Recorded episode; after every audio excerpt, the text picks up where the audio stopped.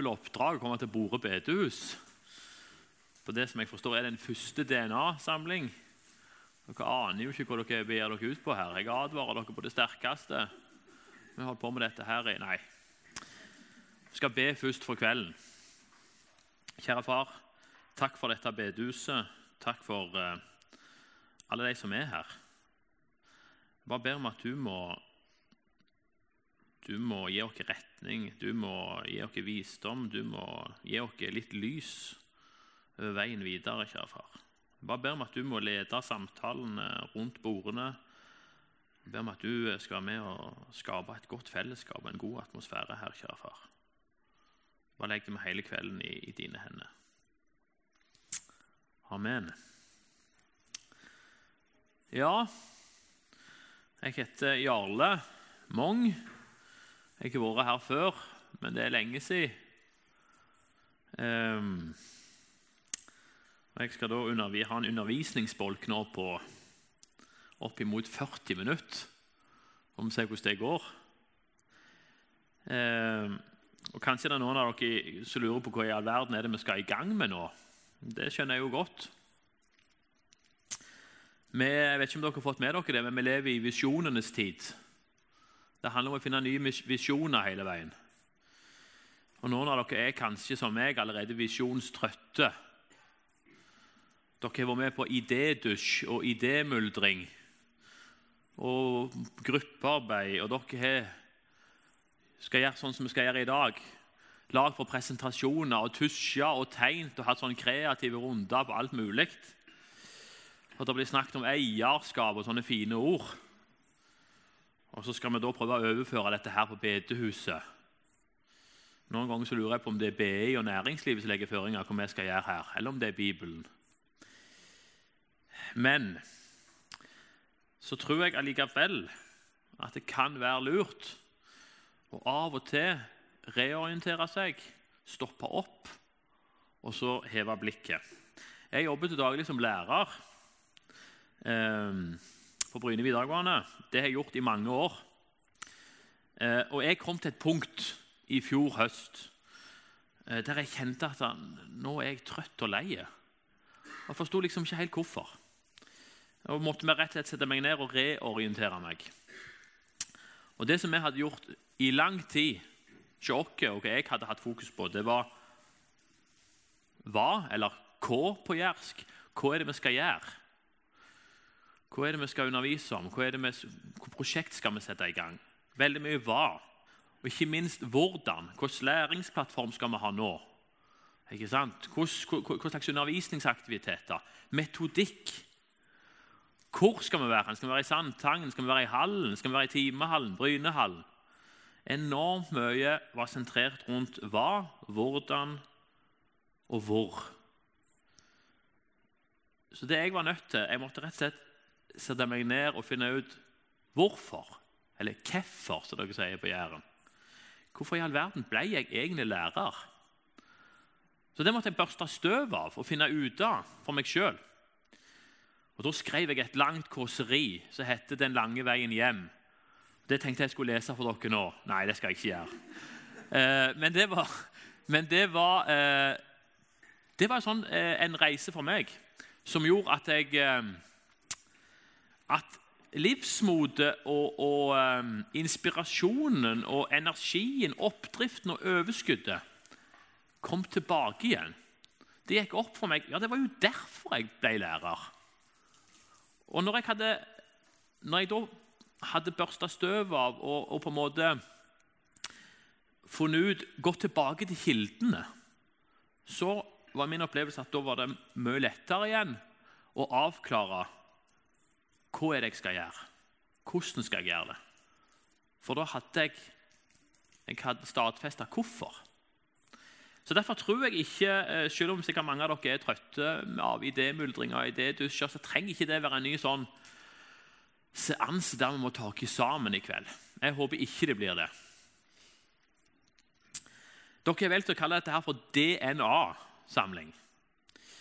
Eh, så jeg var jo inne og kikket litt på DNA det hadde jeg sånn liksom diffust jeg, jeg, jeg, visste litt sånn hvor det var, men, men, det var greit egentlig å friske det opp. Men DNA inneholder altså oppskrifter som bestemmer hvordan organismen skal se ut og fungere. Vi har jo DNA. DNA. I hver celle i kroppen ligger det en oppskrift. I alle oss. En DNA-oppskrift. Dette kan f.eks. være fargen på en blomst eller blodtypen hos et menneske. Disse oppskriftene kalles gener, står der i den kilden jeg har sjekket opp. DNA kalles arvestoff fordi disse oppskriftene videreføres, arves fra én generasjon til den neste. Det er veldig interessant. Det, det kommer til å være litt sånn fokuset her. Alt DNA må kopiere seg selv når nye celler dannes ved celledeling. Eh, så Det jeg kommer til å peile den første bolken inn på, det er arvestoff. Hvorfor et arvestoff, hvorfor en oppskrift er det som ligger nedarva i, i dette bedehuset? Hvis vi tenker enda større i vår bevegelse, bedehusbevegelsen. Hvor, hvor, er det vi kommer ifra? Hvor, ligger, hvor er vårt arvestoff hen? Og så er det liksom hvordan vi klart å kopiere, replikere dette arvestoffet fra generasjon til generasjon. Av og til kan det være at en, at en bare At en egentlig ikke Hvis ikke hver generasjon omfavner og tar arvestoff og gjør det til sitt eget, så tror jeg fort at du bare havner inn i et slags pliktløp der du bare gjør fullt av ting så du har glemt hvorfor du gjør det. Da kan det bli plikt rutiner og til slutt utmattende. Så vi skal prøve å se litt på det der arvestoffet, replikasjonen og disse generasjonene. Og Det er egentlig innsteget når vi skal prøve å trekke noen lange linjer tilbake i tid. Så jeg har eh, kalt eh, det første bolken her på gjengrodde stier med et spørsmål. Har du fyr? Og vi skal se på, på gjengrodde stier. Eh, jeg har faktisk lest de fleste bøkene av Hamsun, men jeg har ikke lest på gjengrodde stier. så det er jo litt ironisk. Men jeg syns det er den fineste tittelen som Hamsun har. Eh, og Det indikerer litt at det er ikke alltid at vi trenger å skape noe nytt. Men noen ganger så handler det kanskje mer om å gjenoppdage noe som alltid har vært der, og gjøre det til sitt eget. Um, Kanskje kan det være at vi har glemt noe på veien. Det er ikke sikkert vi trenger en helt ny visjon, f.eks. Kanskje trenger vi bare å gjenopplive det som, eh, det som var egentlig utgangspunktet for hele, hele vår bevegelse. Kanskje trenger vi bare å ta eierskap, omfavne på ny. For det er faktisk noen som har gått noen stier før oss. Så det er ikke sånn at vi trenger å begynne å trø opp disse stiene. For stiene fins. Og de stiene de har ligget her i 2000 år. Så det har, så det har vært stier i Norge og i Europa. Altså, stiene nådde Europa etter ca. 1000 år. Ifra Jerusalem så ble det trådt opp stier. Eh, og det fins noen spor. Og kanskje er det noen stier som holder på å gro igjen, som vi trenger tråkke opp på ny. Mye tyder på at terrenget har endra seg rundt stiene. Kanskje trenger vi noen nye tursko. Det er ikke sikkert at det som fungerte før av utstyr, fungerer nå. Har vi gått oss helt vill? Har vi gått opp et spor som egentlig ikke fører noen vei? Trenger vi muligens stille kompasset på ny? Har vi orientert kartet vårt riktig? Jeg hadde orientering, jeg, jeg, er jo idrettslærer. Jeg hadde, jeg hadde orientering i sist uke. Og så er det jo sånn at læreren skal, skal legge ut postene før, før, elevene skal springe dette eh, denne orienteringa. Og Da har jo jeg hatt sånn teoritimer med elevene der jeg forklarer de fullt av sånne ting. Tommelfingerregel, kart mot nord hele veien. Og, og, og, jeg kan jo dette i teorien. Og så skulle jeg ut, var meg og den andre læreren, Han skulle legge ut fire poster, jeg skulle legge ut tre poster. Eh, og jeg skulle legge ut post sju, som jeg sjøl hadde pekt ut på kartet. Jeg fant ikke posten. Jeg, jeg, jeg, lett, og jeg tenkte dette blir pinlig. Og til slutt så hadde han lagt ut, han hadde lagt ut alle de seks andre og gikk og lette etter meg på slutten. Og jeg skulle være orienteringslærer. Ikke sant? Kanskje vi Vi kan alle gå hvor vi vil. Selv om vi er lærere eller har gått på bedehus i 40 år, så er det mulig å gå som jeg vil, eller at vi glemmer hvordan vi skal orientere kartet. Eller at vi kan sånn som jeg, at vi kan fullt av ting på tegnebrettet og i teorien. Men så aner vi ikke hvordan ting ser ut i praksis. Eh,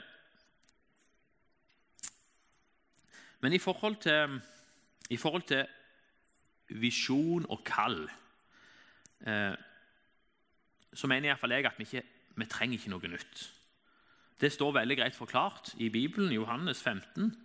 Han sa til ham, 'Du skal elske Herren din Gud av hele ditt hjerte og hele din sjel og all din forstand.' Dette er det største og første budet. Men et annet er like stort. Du skal elske det neste som deg selv. Det er et kall til alle mennesker. Et primært kall som er til alle. Og det er rammen for livet til alle vi som er de hellige. Jeg jo, jeg, når jeg var yngre, så trodde jeg at kall det var noe som bare noen få fikk. Vi fikk sånn utsyn hjemme. Eh, misjonsblad. Det var de som hadde fått kallet. De var i Etiopia, Kenya og andre plasser. Og vi andre som ikke hadde fått kallet, vi skulle være hjemme og stappe på misjonsbøssa, møte opp på møteveggen og gå på basar og gjøre så godt vi kunne. Og Det var fordi jeg blandet sammen hvor kall og sendelse er for noe. Alle har et kall. Alle er kalt. Alle er kalt til å elske far og hverandre. Og det er, noe, det er, ikke noe, vi trenger å finne på noe nytt. Det ligger fast. Det er kanskje en av de viktigste, det, det en av de viktigste stiene vi kan gå. Og den ligger fast. Alle har et kall. Og så ser sendelsen helt forskjellig ut. Eh, noen skal være i Kenya, noen skal være i Etiopia, men noen skal være på Bordet òg. Og så tror jeg òg at ofte er hvert bedehus òg en sendelse. Noen skal støtte noen der, noen skal det, men noen skal òg hjelpe naboen, være i idrettslaget, hvor som helst. Så vi er sendt til forskjellige plasser, men kallet, det er det samme. Eh, hvis, vi, hvis vi går tilbake til utgangspunktet Nå skal dere starte, eller dere skal jo ikke starte forsamling, men dere skal på en måte hvor, Dere har gjort noe. Dere har gjort en endring. Ikke sant? Og så er liksom Hvordan ser dette her ut? Og Da kan det være greit å se tilbake til den første forsamlingen, eller det første kristne fellesskapet. Det står beskrevet i Apostlenes gjerninger 242. De holdt seg trofast til apostlenes lære og fellesskapet til brødsbrytelsen og bønnene. Hver og en ble grepet av ærefrykt, og mange under og tegn ble gjort av apostlene. Alle de troende holdt sammen og hadde alt felles. De solgte eiendommene sine og det de ellers eide, og delt ut til alle ettersom hver enkelt trengte det. Hver dag holdt de trofast sammen på tempelplassen, og hjemmene brøt de brødet og spiste sammen med oppriktig og hjertelig glede. De sang og lovpriste Gud og var godt likt av hele folket. Og hver dag la Herren til nye som lot seg frelse. I Apostlenes gjerninger 4.31 og utover så står det Da de hadde bedt, skalv stedet der de var samlet. De ble alle fulgt av Den hellige ånd og talte Guds ord med frimodighet. Alle de troende var ett i hjerte og sinn, og ingen regnet det de eide, som sitt eget. De hadde alt felles. Med stor kraft bar apostlene fram vitnesbyrdet om at Herren Jesus var stått opp, og stor nåde var over dem alle. Ingen av dem led nød, for de som eide jord eller hus, solgte det og kom med pengene og la dem for apostlenes føtter. Så fikk hver enkelt tildelt det han trengte. Det er noen praksiser eh, og et utgangspunkt her som utfordrer oss Eh, men det går tydelig fram hva, plattform apostlene sto på. Hva som kjennetegna de første fellesskapene. Det var Jesus-sentrerte fellesskap. De brøt brød, brød brød sammen, de delte ordet, de tilba. Og så var det utadretta. Utrolig raust. Utfordrende raust. De solgte til med det de hadde, og delte med hverandre. Eh, og de ble godt likt av alle rundt dem. Eh, de var diakonale. Eh, så det er, noen, det er jo et DNA her. Her er jo arvestoffet. Det er jo dette som er arvestoffet, det opprinnelige arvestoffet. DNA-et i forsamlingen, i kirka. Det ligger jo her. Og Det er på en måte befriende at vi slipper å finne på det sjøl. For det er her. Og det ligger her. Og så er det to, eh, to bilder på forsamlingen, to metaforer som Bibelen bruker. I 1. Korinterne 12 og utover. Slik kroppen er en selv. Eh, slik kroppen er én, selv om den har mange lemmer, og alle lemmene utgjør en kropp, enda de er mange. Slik er det også med Kristus. For med én ånd ble vi alle døpt til å være én kropp enten vi er jøder eller grekere, slaver eller frie, og alle fikk vi én ånd å drikke. For kroppen vår for kroppen består ikke av én kroppsdel, men av mange. Og når foten sier 'fordi jeg ikke er hånd, hører jeg ikke med til kroppen', så er den like fullt en del av den. Om øret sier 'fordi jeg ikke er øye, hører jeg ikke med til kroppen', så er det like fullt en del av den. Hvis hele kroppen var øye, hvor ble det da av hørselen? Hvis det hele var hørsel, hvor ble det av luktesansen? Men nå har Gud gitt hvert enkelt lem sin plass på kroppen slik han ville det. For at det, bli, for at det ikke skal bli splittelse i kroppen, men alle lemmene har samme omsorg for hverandre. For om ett lem lider, lider alle de andre med. Og om ett lem blir, hed, blir hedret, gleder alle de andre seg. Dere er Kristi kropp. Hver av, de, hver av dere er lem på Han et utrolig eh, interessant bilde. Eh, som Paulus, Det er måten Paulus beskriver menigheten på. Der Menigheten er jo ikke noe der vi bare møter opp, en plass vi går. Dere som er her i dag, dere er Bordet. Dere er selve kroppen. Bordet er det er, er ikke, er ikke, et arrangement dere går til. Det opprinnelige DNA-et sier at dere er menigheten, dere som sitter her. Og Noe av det mest fantastiske det er jo at hver enkelt av dere har en funksjon i denne kroppen.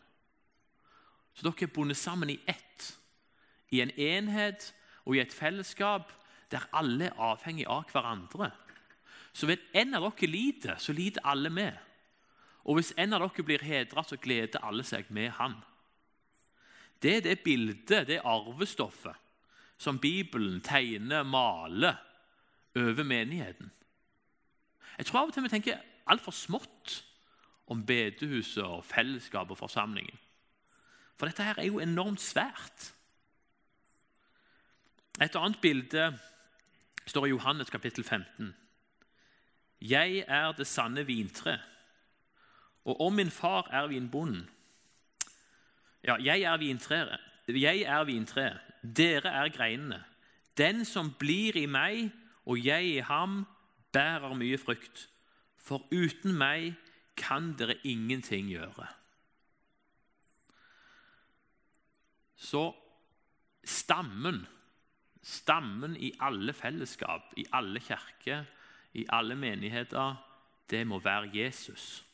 Vi er helt nødt til å være rotfesta i Jesus. Mister vi Jesus, så kan vi faktisk ingenting gjøre.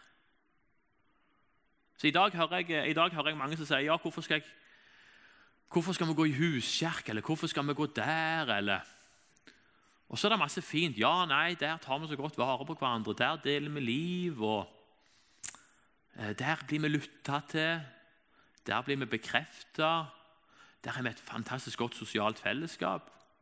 Det er helt sant. Men det er ikke det som er poenget.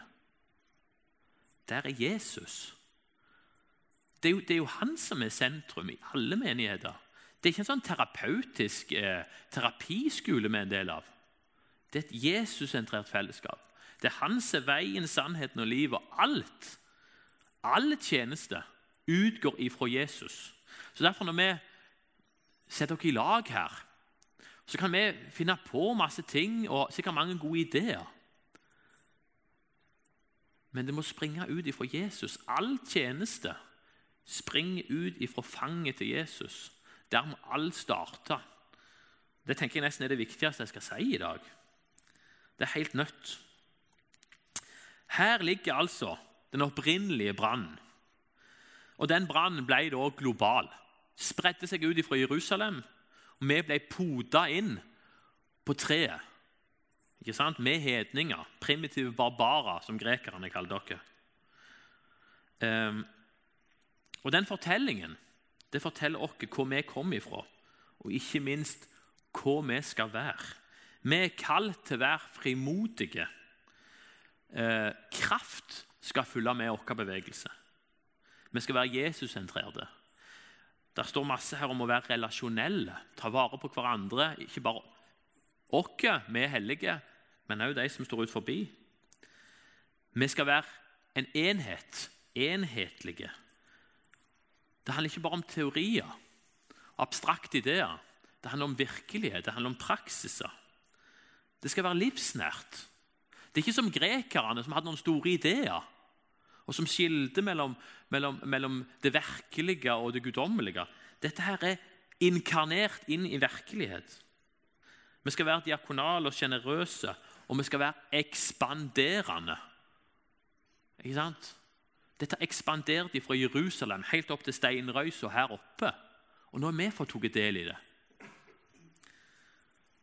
All historie viser at den kristne bevegelse forvandler omgivelsene. Det blir rett og slett friskt og grønt.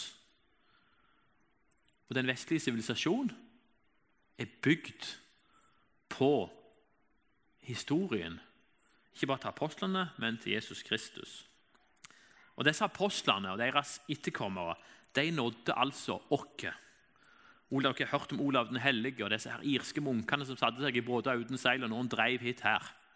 Så vi får tatt del i dette. Vekselvise branner, eller vi sier vekkelser, spredde evangeliet ut til etter hvert hele verden. Og Dette er jo da brannen som forma Europa. Og Så er det kanskje ikke sånn nå. I fjor vår så var jeg i Aberdeen. Vi reiste til Skottland med, med idrettsavdelingen. Eh, og Der er det sånne, masse sånne store kirker i granitt. Det er mye granitt i det området. Men mange av de kirkene var nå omgjort til puber. Det var helt merkelig. Og så diskokuler inn i ei kirke. Det var sånn, det er noe som ikke stemmer her. Og På mange måter så følte jeg at nå nå går jeg i ruinene til en tapt sivilisasjon. Og Så er spørsmålet for oss på mange måter Er det liv i glør nå? Er det fremdeles liv? Kan dette vekkes opp igjen? Vår bevegelse, BEDUS-bevegelsen, bedusbevegelsen den Sporene der trenger en ikke gå så langt tilbake igjen. Dere har sikkert hørt om Haugevekkelsen. En av de eh, mest gjennomgripende vekkelser i Europa i forhold til folketall. 5. april 1796 skriver Hauge i boka. Dette er i Østfold. Eh, jeg gikk faktisk på Haugetun folkehøgskole. Når vi, begynte, når vi begynte på Haugetun, så tok læreren noe med til barndomsheimen til eh, Hans Nilsen Hauge med Rolfsøy og fikk vi, se på en måte utgangspunktet for skolen og egentlig for det vi kaller hele lekfolksbevegelsen. Men da skriver Hauge i boken om religiøse følelser og deres verd, heter boken. En gang da jeg arbeidet under åpen himmel, sang jeg utenat på salmen 'Jesus, din søte forening og smake'. Da jeg hadde sunget det andre vers, 'Styrk du meg kraftig i sjelen her inne', så jeg kan kjenne hva Ånden formår' og styr du min tunge og tankene mine, og led meg og lokk meg så svak som jeg går. For meg og hva mitt er, jeg gjerne må miste, når du alene i sjelen vil bo. Om jeg omsider på døren må liste alt som forstyrrer i hjertet mitt, i hjertet min ro.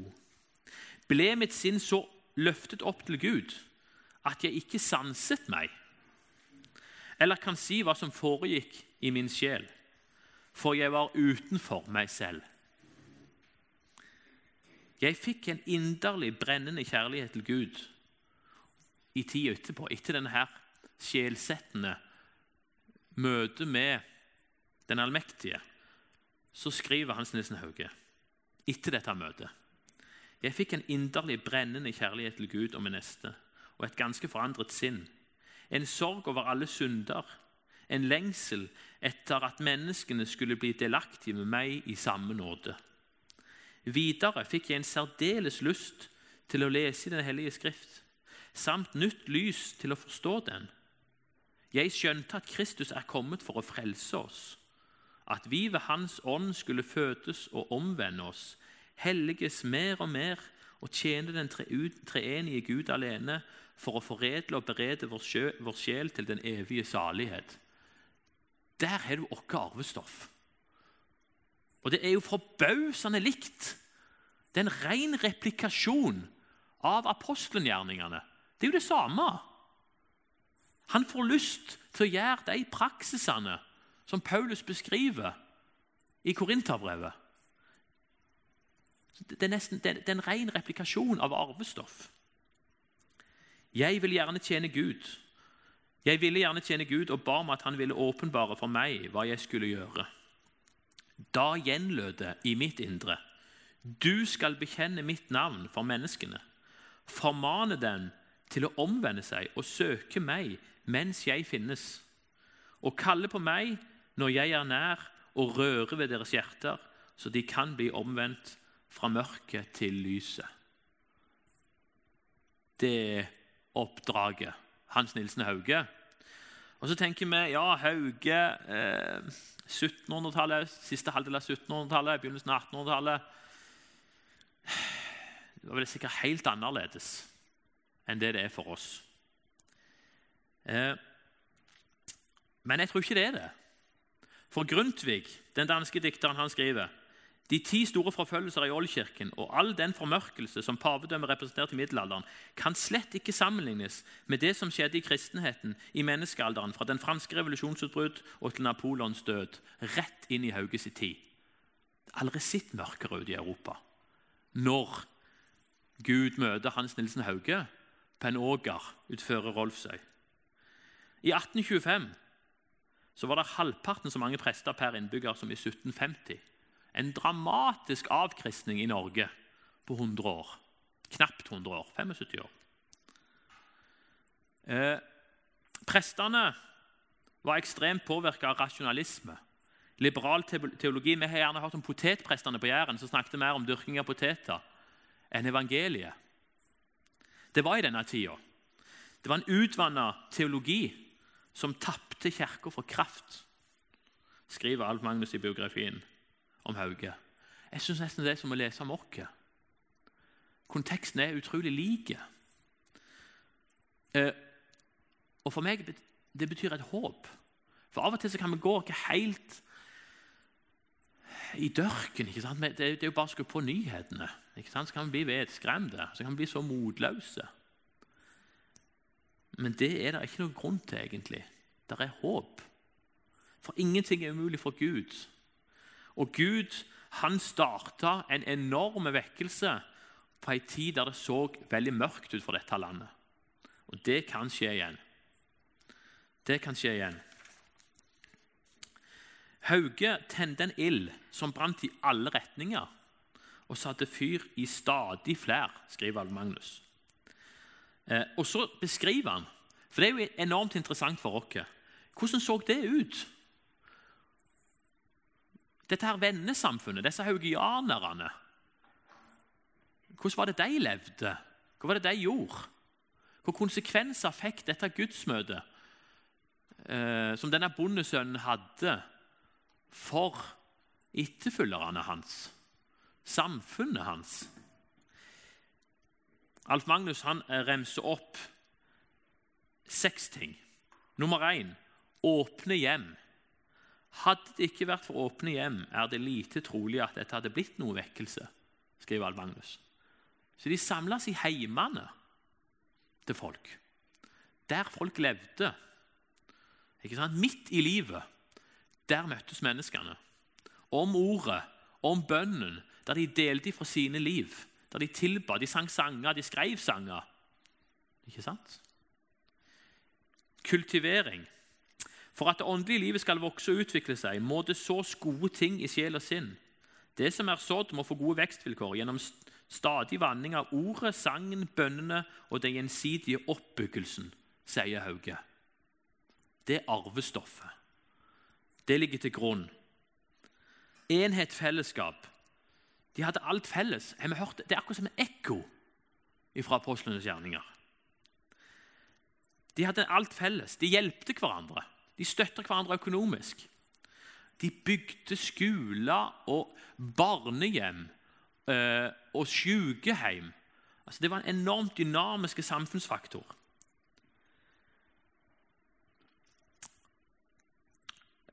Og så kommer Hauge med en advarsel. Før Hauge dør, så skriver han i sitt testamente. I testamentet advarer Hauge vennene mot lunkenhet, sikkerhet, splidaktighet. For intet er viktigere enn enhet, sier han. Og Det er utfordrende for oss. Lunkenhet. Vi verken Har vi blitt lunkne? Sikkerhet. Har vi blitt for sikre? Noen ganger kjenner jeg på jeg tenkte på det, Hvor ofte må jeg egentlig stole på Gud?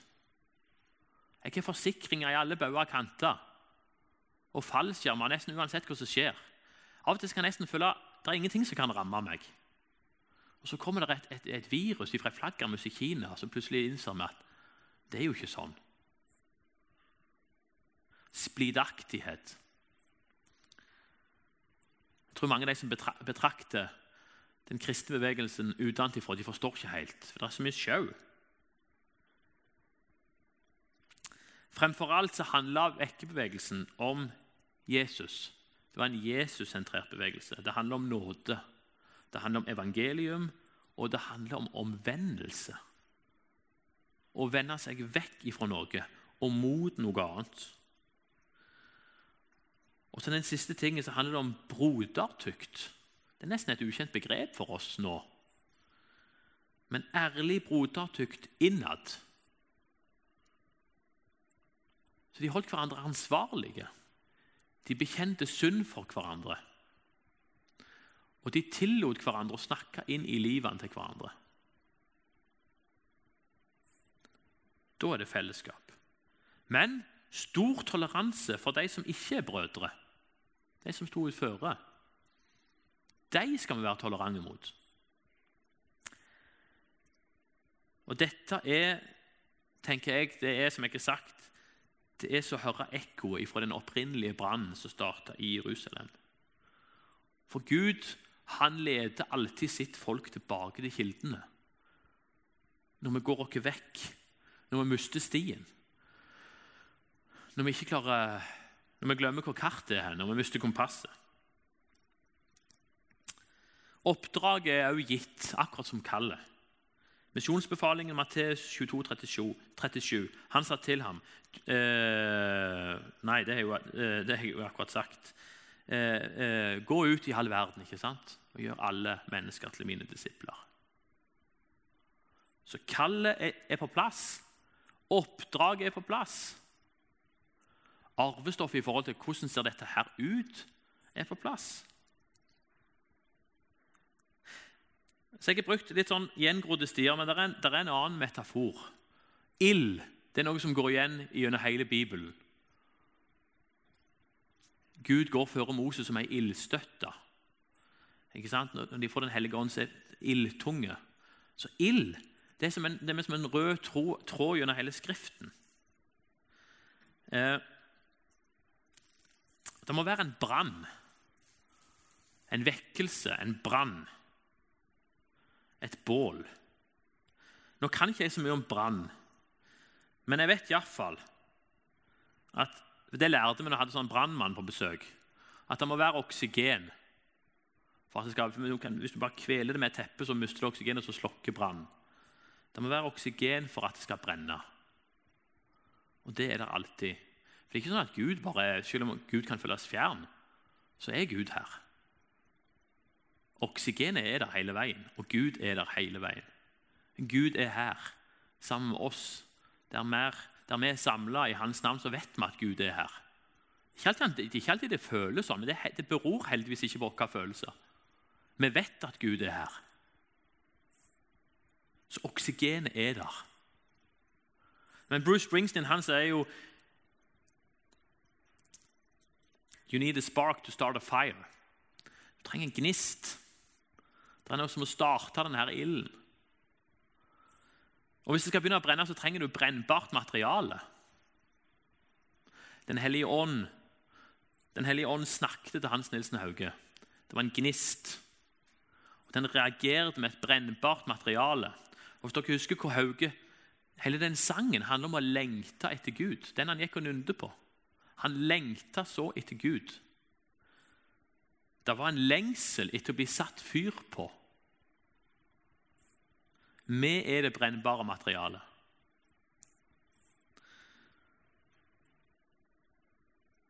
Ilden trenger noe å brenne i. Vi er det. Vi er veden. Jesaja han sier 'Her er jeg, send meg'.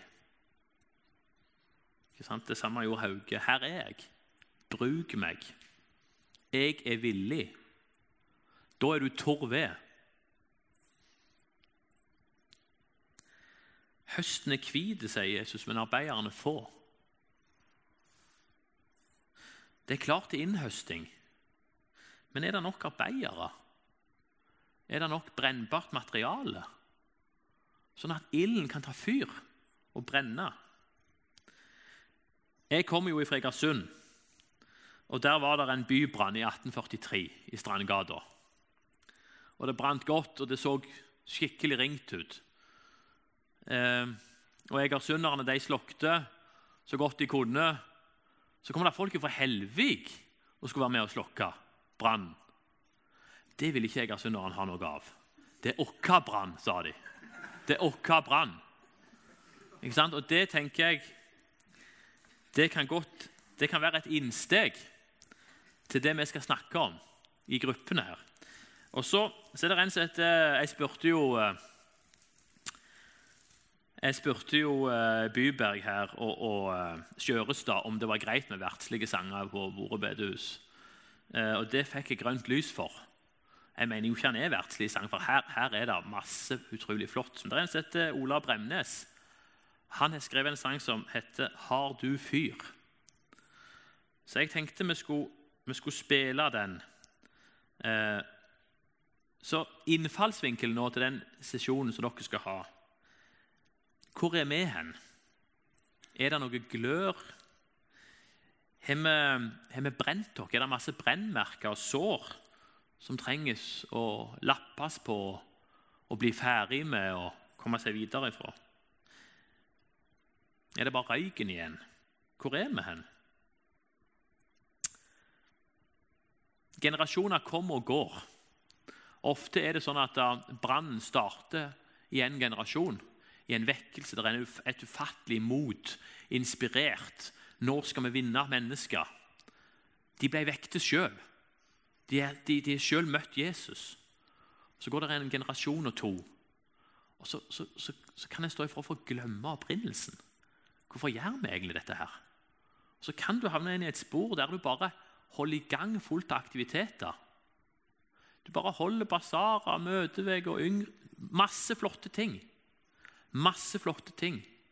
Men det ble satt i gang fra to generasjoner før deg. Og det føles bare som et pliktløp. Da er det ikke dermed sagt at du skal slutte med de tingene. Men kanskje må vi, børste, vi, må, vi, må finne, vi må reorientere oss og finne ut ja, men hvorfor gjør vi dette. her? For det nytter ikke bare å overta noe. En må replikere det, en må gjøre det til sitt eget, en må kopiere det, sånn som DNA gjør. Og det krever en aktiv, det, det, det krever en aktiv deltakelse i noe. Så Da skal vi høre den sangen her. Og så er innfallsvinkelen til dere når dere skal i gang Hva er vår brann? Og hvorfor noen stier er det vi kanskje må tråkke opp på nytt igjen? Er det noen stier som holder på å gro igjen? Hvor kan det være? Da er det om vi får på den sangen.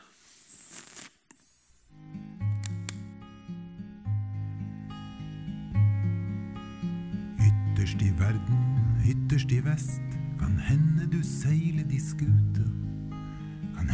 Du seiler tilfeldig som gjest, kan hende du går her i rute. Uansett trenger du et punkt som er fast, der du frakter de skjøre last.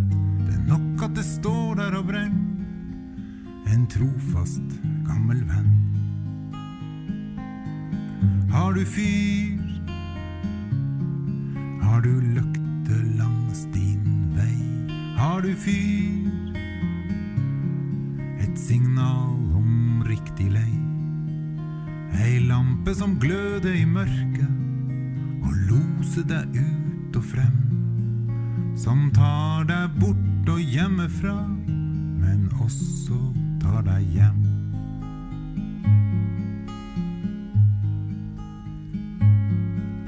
Vår Herre sa det da jorda var til.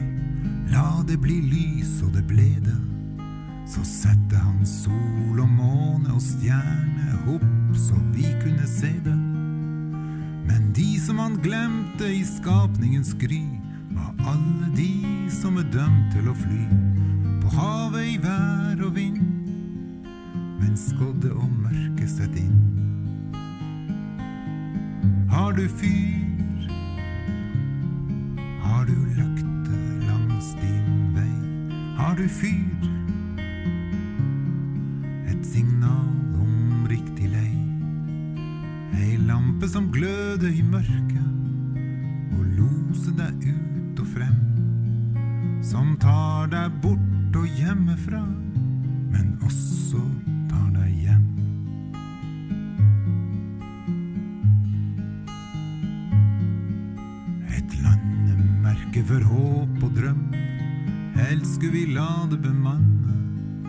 Der skarven flyr og der seien svømmer, Ute på kanten av landet. Et hus i havet som står han av.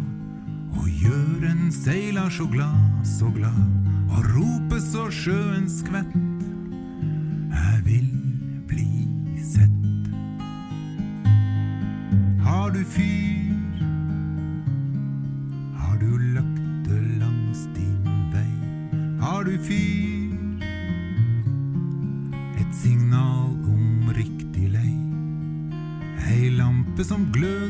Mørket og loser deg ut og frem. Som tar deg bort og hjemmefra, men også tar deg hjem. Men også tar deg hjem. Da skal vi ha en mye kortere seanse. Eh, og Overskriften for den seansen heter 'Noe mer?' Spørs, spørsmålstegn. Det er nesten litt truende bare der i overskrift. Er det ikke godt nok, det vi holder Her kommer det en jypling fra Egersund og skal liksom Har dere egentlig en brann? Har han slokket? Er det bare glørende igjen? Stiller masse frekke spørsmål. Kan være truende, faktisk provoserende. Det skjønner jeg veldig godt. Det er ikke meningen min å komme her med en pekefinger på noen som helst måte. Ehm, det ble sagt her at eh, det handler ikke om hva vi skal gjøre for Jesus, men hva Jesus har gjort for oss. og Det er helt sant. Jeg tenkte bare jeg skulle si litt eh, om det sjøl. jeg var i gang i en sånn sammenheng der eh, det var en kar fra Sør-Afrika med sånn veldig sånn profetisk utrustning. Eh, de, de der folka er jeg som regel veldig skeptiske til, sånn av natur. Og fra den sammenhengen jeg kom ifra. Eh, og det var jeg da òg. Eh, men i hvert fall så kom han hit til meg, han karen. Eh, og da var jeg på et punkt der var sånn, det var litt sånn, det var, det var tungt. Sliten.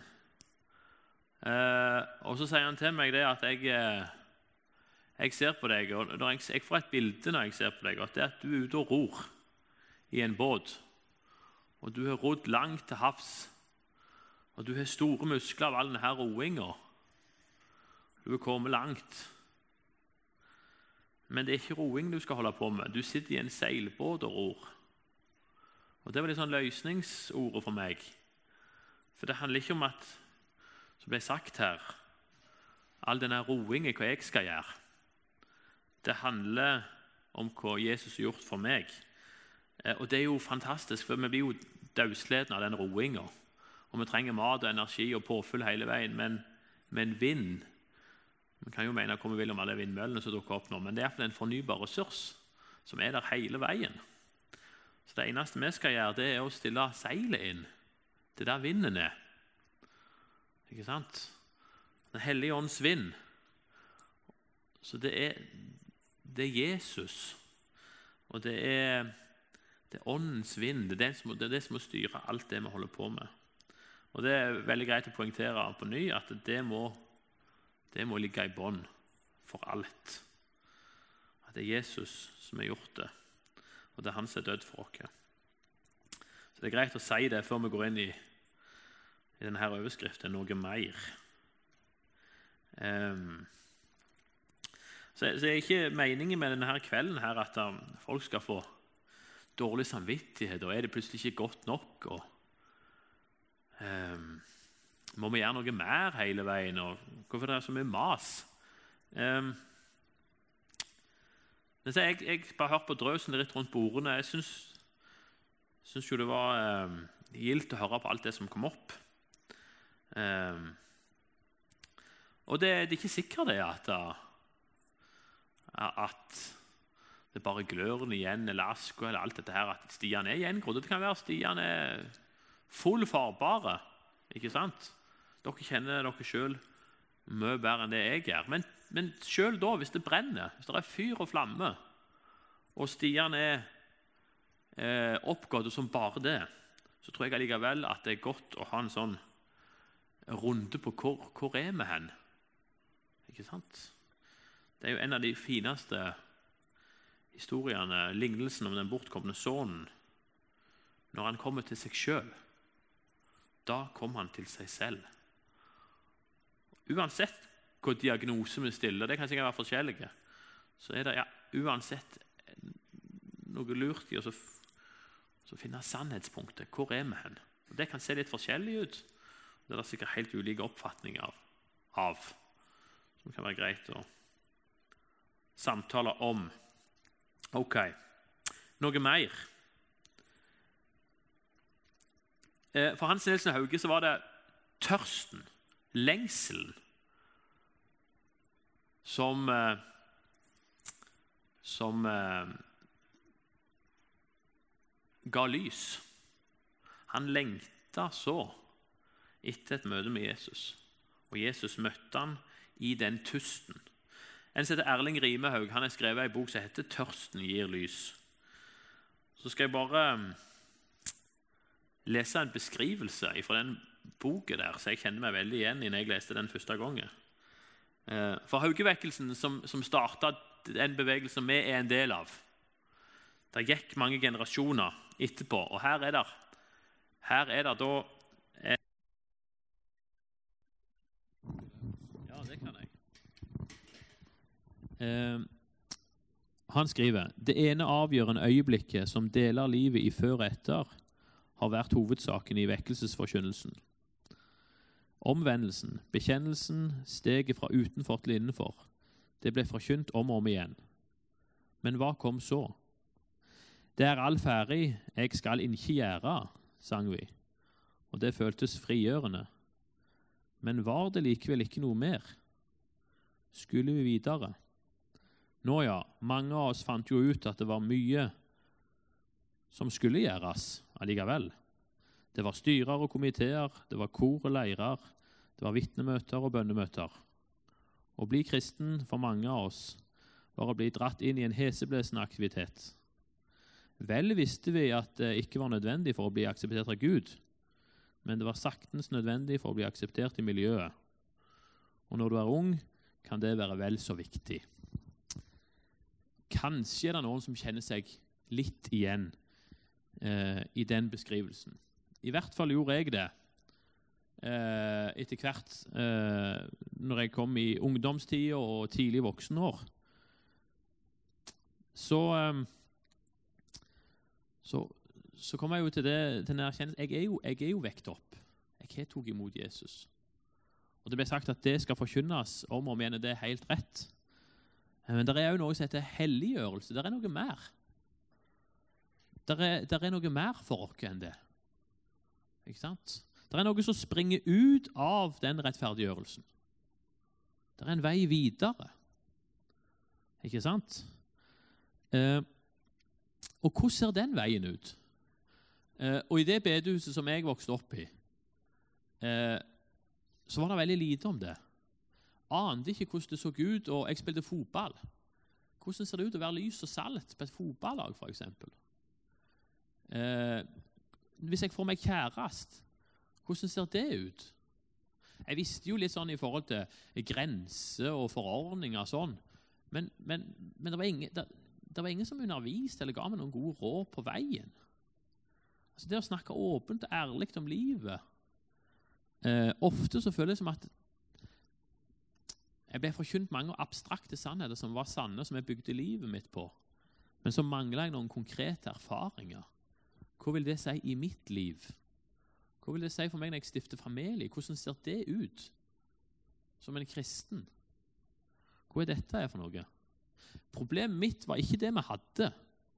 For det vi hadde, var det viktigste og det beste. At Jesus er død for meg. Jeg er frelst av nåde. Det er det viktigste og det beste. Og Det var ikke problemet. Utfordringen var det jeg ikke hadde. Det var noe mer her. Så jeg hadde en fornemmelse om at Gud, det er noe mer. Jeg har noe til gode. Det er, noe, det er, der er en plan. Gud har en plan for mitt liv. Hvordan i all verden ser det ut? Eh, så alt var på en måte ikke avgjort og ferdig med omvendelsen. Det var ikke sånn at det ikke var mer å gjøre da. For det føltes etter hvert utilfredsstillende. Handla virkelig resten av livet om å klamre meg fast til rekkverket i bedehuset i håp om å bli bevart? Var det, det som var resten? End of story. Det ble et, eh, et viktig spørsmål for meg. Eh, I min, eh, i savn, i mitt savn og i min tust så var det masse misforståelser og, i forhold til kall og mange ting som jeg, som jeg etter hvert eh, fant ut av, og, og, og ting. Men det var, det var begynnelsen på en vandring for meg. Og så har jeg erfart at det var mye mer til gode hos Gud. Det var mye mer. Det var mye mer. Og så har jeg erfart at abstrakte sannheter har blitt konkrete erfaringer i mitt liv. At de er blitt inkarnert i virkelighet. Når jeg vokste opp på bedehuset, så eh, så lærte jeg bl.a. at en sannhet det er å leve i lyset. Leve i lyset. Og jeg lærte at lyset var sterkere enn mørket, annet. Men jeg ante jo ikke hva det ja, hva er det for noe. Men jeg har erfart at ting som jeg har hatt i mørket, som jeg har brakt fram i lyset, at faktisk lyset er sterkere enn mørket. I et fellesskap. Da er det noe som går fra å være en abstrakt sannhet til å bli en konkret erfaring i livet. Og jeg har erfart at lyset setter meg fri. Jeg har gått og båret på ting som jeg ikke har gjort, som jeg ikke er stolt av. Synd og svik og ting som jeg, som jeg går og bærer på uten å for meg sjøl. Tar ifra meg all frimodighet. Og djevelen bruker det hele veien mot meg. Hvordan kan du stå her? Tenk på alt det du har i livet ditt. Og så har jeg erfart det i fellesskap, blant annet. Å få bringe det fram i lyset. Og så har jeg erfart at lyset er sterkere enn mørket. Så jeg er blitt satt fri. Og der er en forskjell der. Den abstrakte sannheten er kjempeviktig, men det blir levende i livet mitt. Mange ganger når det har skjedd, så har det skjedd i fellesskap. I fellesskap med andre kristne. Så det var noe mye mer. Det var noe mye mer enn å møte opp, høre talen, diskutere var talen god, gikk han på noen teologiske blemmetaleren, hvordan var sangen, og så gå hjem. Det var noe mye mer enn det. Det var noe mye mer livsnært. For sånn var det i stor grad i det bedehuset som jeg vokste opp i, og som jeg ble mer og mer fremmed for. Um, så jeg tror at vi skal lufte fram eh, at det kristne eh, fellesskapet faktisk kan være som en familie. Det er en plass der vi kan være den vi er. Og Jesus, han har frelst oss. Han er frelseren. Men han er òg vår venn. Han er vår herre. Det er han vi følger etter. Så vi må ikke redusere det, det, det, det er veldig stort, dette her. Og vi skal være forsiktige med å redusere